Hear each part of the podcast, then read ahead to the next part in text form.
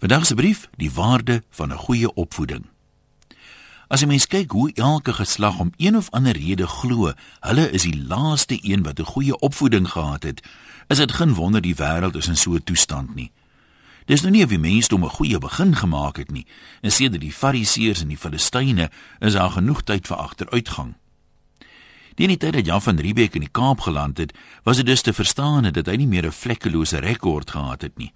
Sy baase in Nederland kry toe die blink plan om van hom ontslae te raak deur hom Kaap toe te stuur om 'n verversingspos te begin.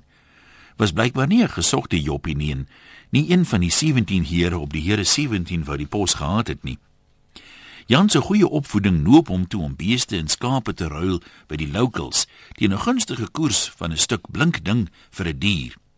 Maar later toe die Engelse min of meer dieselfde strategie wou gebruik om die land te bekom, was Jan en Kiese nasate baie ontsteld en verontwaardig oor die onreg.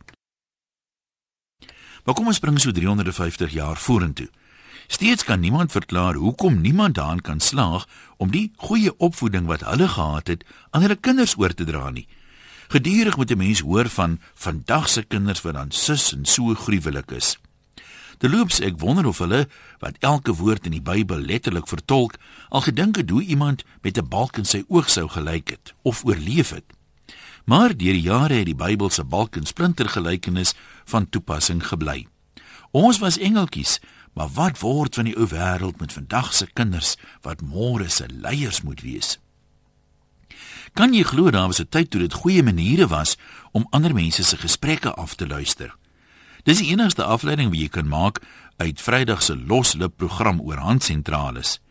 Talle mense vertel trots hoe flink daar op die deellyne ingeluister is. Die feit dat ouma selfs die telefoon bekruip het om seker te maak sy kan hom ongesiens optel, was nie oor sy skuldig gevoel het nie. Nee, dit was seker uit bedagsaamheid om nou nie die mense te pla wat aan die gesels was en op wie sy wou afluister nie. En niemand voel eers skuldig nie. Dit was te lekker sê een selfs. Laat my dink aan die Engelse gesegde, how can it be wrong if it feels so right?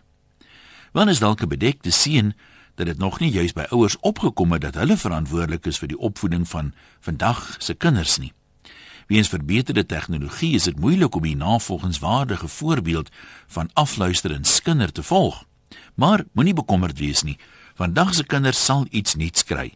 Hulle het mos hulle ouers se goeie gene geërf. Groete van oor tot oor. Anoniem.